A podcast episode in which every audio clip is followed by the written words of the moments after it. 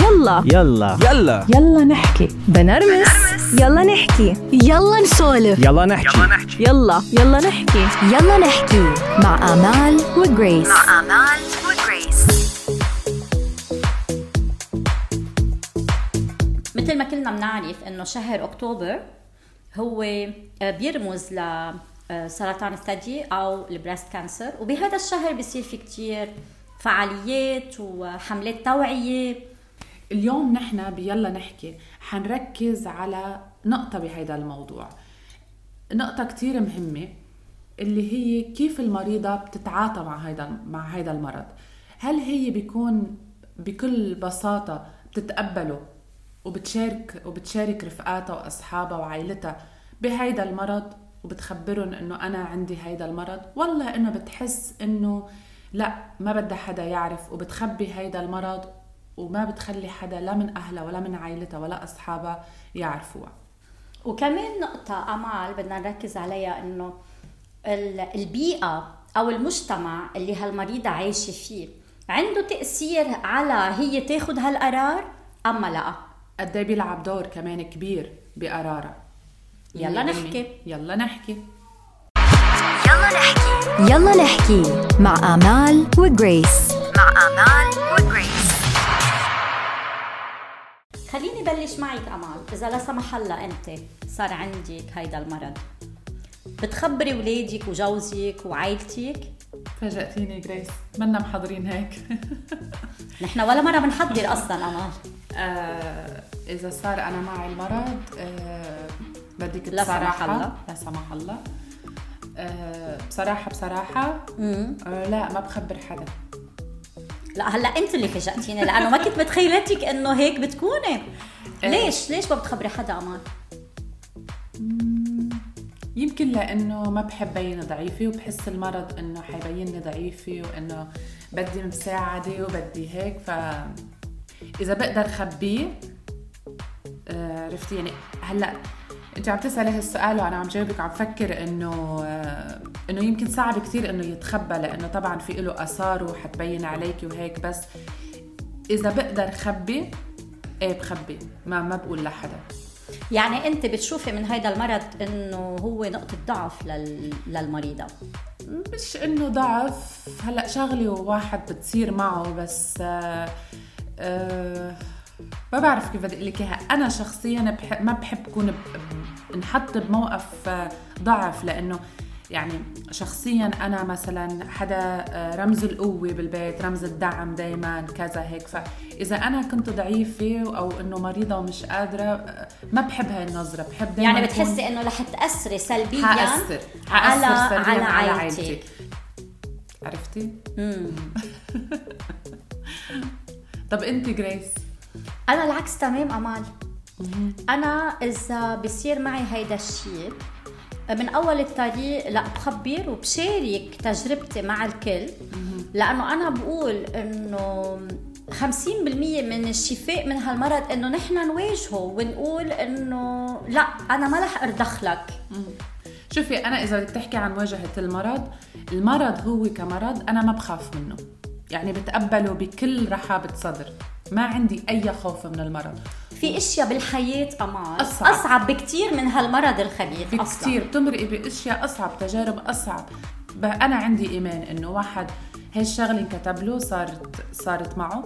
بدك تواجهيها بطريقة ولا لا؟ يعني بس أنا من مبدأ إنه لازم دائما أكون أنا قوية لازم أكون أنا دائما عم بعطي. وأنت بتشوفيه إنه هو نقطة ضعف. هو ضعف لإنه غيري ححسه دائما زعلان دائما إنه أو رح يشفق عليكي. أو إيه ما بحب سبب توتر لحدا. عرفتي؟ يعني آه، لا. فيها وجهة نظر. في عندنا مريضتين آه، مريضة لبنانية ومريضة إنجليزية. رح يشاركونا تجربتهم وكيف تعاطوا مع هالمرض مع عائلتهم والعالم اللي حواليهم. خلينا نسمع ونرجع نعلق بعدين. يلا نسمع. حلوة هاي يلا نسمع. يلا نسمع. أه بس عرفت بالموضوع أول يومين كنت كتير معصبة. بعدين صليت وقلت إنه لا لازم أنا أخد قرار وكون قوية. صرت روح full makeup الولاد ما عرفوا شي. ما خليتهم يعرفوا كرمال ما ينحرموا من طفولتهم الحلوة أو يروحوا على مدرستهم أو على الأكتيفيتات تبعولهم وهن بالهم مشغول فما عرفوا شي. كنت آه، حط الشعر ومشيله ليناموا نيمون وابعتهم قوم بكير زبط كل شي وعيهم على المدرسة. بعدين آه إذا عرفوا آه رح يكونوا كتير زعلانين لا رح يعرفوا يفكروا لا رح يعرفوا يدرسوا لا رح يعرفوا خاصة إنه هن شاطرين متفوقين. ومرقت فيها الحمد لله صرت روح على الشغل full makeup ما خلي حدا يحس بس روح على العلاج. تاني يوم ارتاح بالبيت تالت يوم روح على الشغل كأنه أنا ما بني شي أنا أكون متضايقة بس ما خلي حدا يحس. لأنه بالنتيجة في ناس بدهم يهتوا خاصة قرايب أمي. اللي ما بيحكوا معها ما خليت حدا يعرف. وحمد لله قطعت على خير. الكبير هلا عرف لأنه صار شاب صغار بعد ما معهم خبر وقطعت والواحد لازم يكون قوي. بس يفكر ومنيح بالمنيح بيعمل الشغل الصح. وأنا ما خليتهم ينحرموا من شي ما خليتهم يعرفوا شي. وبقيوا مبسوطين تضل ذكرى طفولتهم حلوة مش بس يكبروا يتذكروا الطفولة إنه هن بطفولتهم مرقوا بظروف صعبة After receiving a diagnosis of any kind, it's your network of friends and family who carry you through. In my case, it was very much the context that influenced my decision about who to tell and what to tell them. And at that time, my three children were 4, 7, and 10. Looking back on that initial period, the time frame was very tight. I received the bad news on the 23rd of December after the mammogram. And then, after many more tests, I received the diagnosis of stage 2 breast cancer in multiple sites, in both breasts, on the 31st of December. And on the 9th of January, I had a double mastectomy with lymph node removal. So that whole initial period took about two and a half weeks. At this point, I was still teaching classes at work, and my kids were excited about the Christmas period. And of course, I did not want to interrupt the magic of that time. So I really did not have time to tell many people about the diagnosis because there was so much to do with multiple appointments and tests and constant calls to medical professionals and insurance companies. So it was very difficult to balance work, family, and medical planning. We really just had to focus on the key information that needed to be delivered. And that was why I only t- told a few people at the beginning. We told our kids everything that I was doing in terms of treatment, but we never told them that it was cancer. We felt that the label would scare them more than the reality of what I was going through. Of course, we knew that we had to tell the children because of the risks associated with cancer being passed through families, but we felt that if this was to be part of their lives, we would model best practice through a few main areas.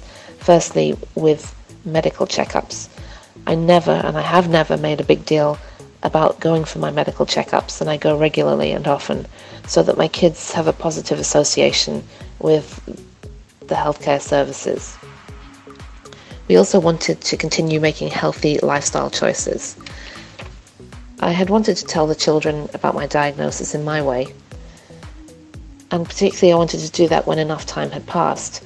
However, about two years had passed, and I ended up having to tell the children very unceremoniously one in a supermarket and two in the car, as it had come up in conversations with friends. It was not the way I'd planned it, but by that time they knew I was healthy and well, and we had and we've all moved on and continue to have open and frank discussions about cancer when needed. بعد ما سمعنا المريضة الأولى اللي رفضت إنها تشارك اسمها معنا وسمعنا جيسيكا اللي حكت بالموضوع بكل صراحة وقالت بشو مرقت وكيف تعاطت مع الموضوع. الفرق بين الأولى والثانية إنه الأولى خافت من ردة فعل العالم وخافت إنه العالم يهتوها خاصة العالم اللي مش علاقة منيحة معه. فهون جريس سؤال بيطرح نفسه إذا برجع بحط الموضوع علي وعليك مثل ما بلشنا. انت أنا بعرف انه اغلبية رفقاتك مش عرب أنا اغلبية رفقاتي عرب فهل يا ترى هو ضغط المجتمع أو أو البيئة اللي نحن عايشين فيها ومأثرين فيها بتجبرك أو بتخليكي لا اراديا آه، تفكري هيك؟ تفكري يعني إنه إذا كان عندك مرض مثل وصمة عار اكزاكتلي exactly. يعني نحن تعو... المجتمع عودنا إنه نحن آه، نخبي ونخاف نقول كل شيء كان بالمرض كان بالطلاق كان بحيلا شيء مش منيح مرقتي فيه. منخبي إنه لا ما لازم نحكي فيه ما لازم حدا يعرف. أمال نحن بالمجتمع العربي منخبي بكل شيء يعني حتى إذا شيء منيح صار معنا كمان ما بنحكي عنه لأنه بنخاف يصيبونا بالعين. بالعين. بعتقد أنا بقول إنه المجتمع العربي هو مجتمع إنه نحن نخبي. إن كان منغلق منغلق إن كان شيء سلبي وإن كان شيء إيجابي كمان. هلا أكيد في ناس بالمجتمعات الغربية بيخبوا بس بشكل عام أريح. ما عندهم مشكلة يحكوا بمشكلتهم. بيحكوا. نحن آه، للأسف بالمجتمع العربي مثل ما ذكرنا بنخاف من الدعم. بنخاف من الدعم. لأنه يمكن نحس إنه لا عم يشمت فيي أو إنه عم يشفق علي. صح. عندنا النظره للشفقة مثل مثل النظره للشماتة. صح. ما كثير بنفرق بيناتهم. فأنا هون عم بسأل حالي إنه هل هيدا الضعف عم يجي لإنه هاي العقلية هيك لأن نحن وعينا على هيك أو نتوقع أو نحن يمكن بنشوف غيرنا هيك لحتى عم نحطه على حالنا هيك؟ سؤال ما في له جواب أمال. خلينا هون نرجع شوي للمريضة الأولى وجيسيكا. وال... والعامل المشترك بيناتهم والفرق بيناتهم. جريس ممكن بس تترجمي اللي قالته جيسيكا؟ آه، خبرتنا عن التجربة مع المرض وكيف عرفت. وإنه هي خبرت عالم كتير محدودين حواليها بس ما خبرت اولادها لأنه كانوا واصلين على عيد الميلاد وما بدها آه، هيدا الشيء يأثر عليهم وما ينبسطوا بعطلتهم. آه، بعطلتهم. بس اللي صار إنه ما خبت عن اولادها العلاج تبعها وشو أثاره وهي بشو بدها تمرق وكل هدول التفاصيل بس ما جابوا سيرة العنوان. تبعول هالمرض لأنه بس نسمع بهيدا المرض نحن دايما بنخاف إنه هيدا المرض بيودي للموت. بقى مشان هيك هي ذكرت العلاج والمراحل تبعوله لأنه بعد وطئته أهلا عم بتحضرهم بس العامل المشترك بيناتهم إنه جيسيكا كانت خايفة إنه رهجة العيد تروح عليهم. والمريضة الأولى كمان كانت خايفة إنه طفولتهم لأولادها تروح عليهم بس يعرفوا بهيدا آه يضلن يتذكروا إنه أمهم مريضة أو مرقوا بهيدا الشيء خلال اكزاكتلي exactly. يعني هيدا عامل مشترك اثنيناتهم عتلانين هم أولادهم ووطئت هالخبر عليهم. بس الفرق إنه المريضة الأولى أولادها صاروا شباب هلأ واثنين منهم بعد ما بيعرف. بس جيسيكا عرفوا شو هو المرض مع الوقت.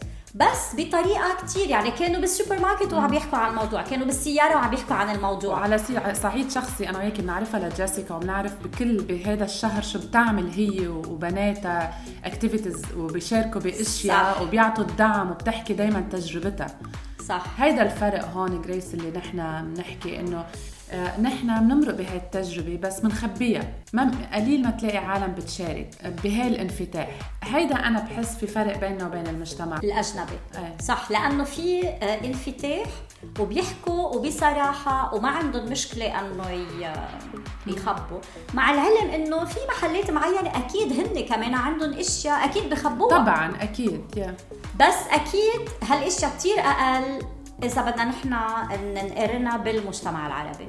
مثل ما سمعنا التجربة ذاتها والمرض ذاته والنتيجة ذاتها اثنيناتهم شفوا من المرض الحمد لله. وعايشين حياتهم طبيعية. بس السؤال اللي أنا اجى على بالي هلأ جريس إنه هل نفسيا المريضة الأولى اللي ما حكت مرتاحة قد جيسيكا؟ نفسيا داخليا يعني؟ أنا هون بدي أسألك سؤال أمان. أنت بأول الحلقة قلت بدك تخبي. من بعد دردشتنا بعدك مصرة إنه بتخبي ولا غيرتي رأيك؟ شوفي صراحة جريس لا بحس ما بخبي لأني لما كنا عم نحكي بالموضوع عرفت من أي عقلية جاية. يعني لا بده يكون لنا شيء ضعف. ولا بده يكون شي عيب. ليه بده يكون شي وصمة عار؟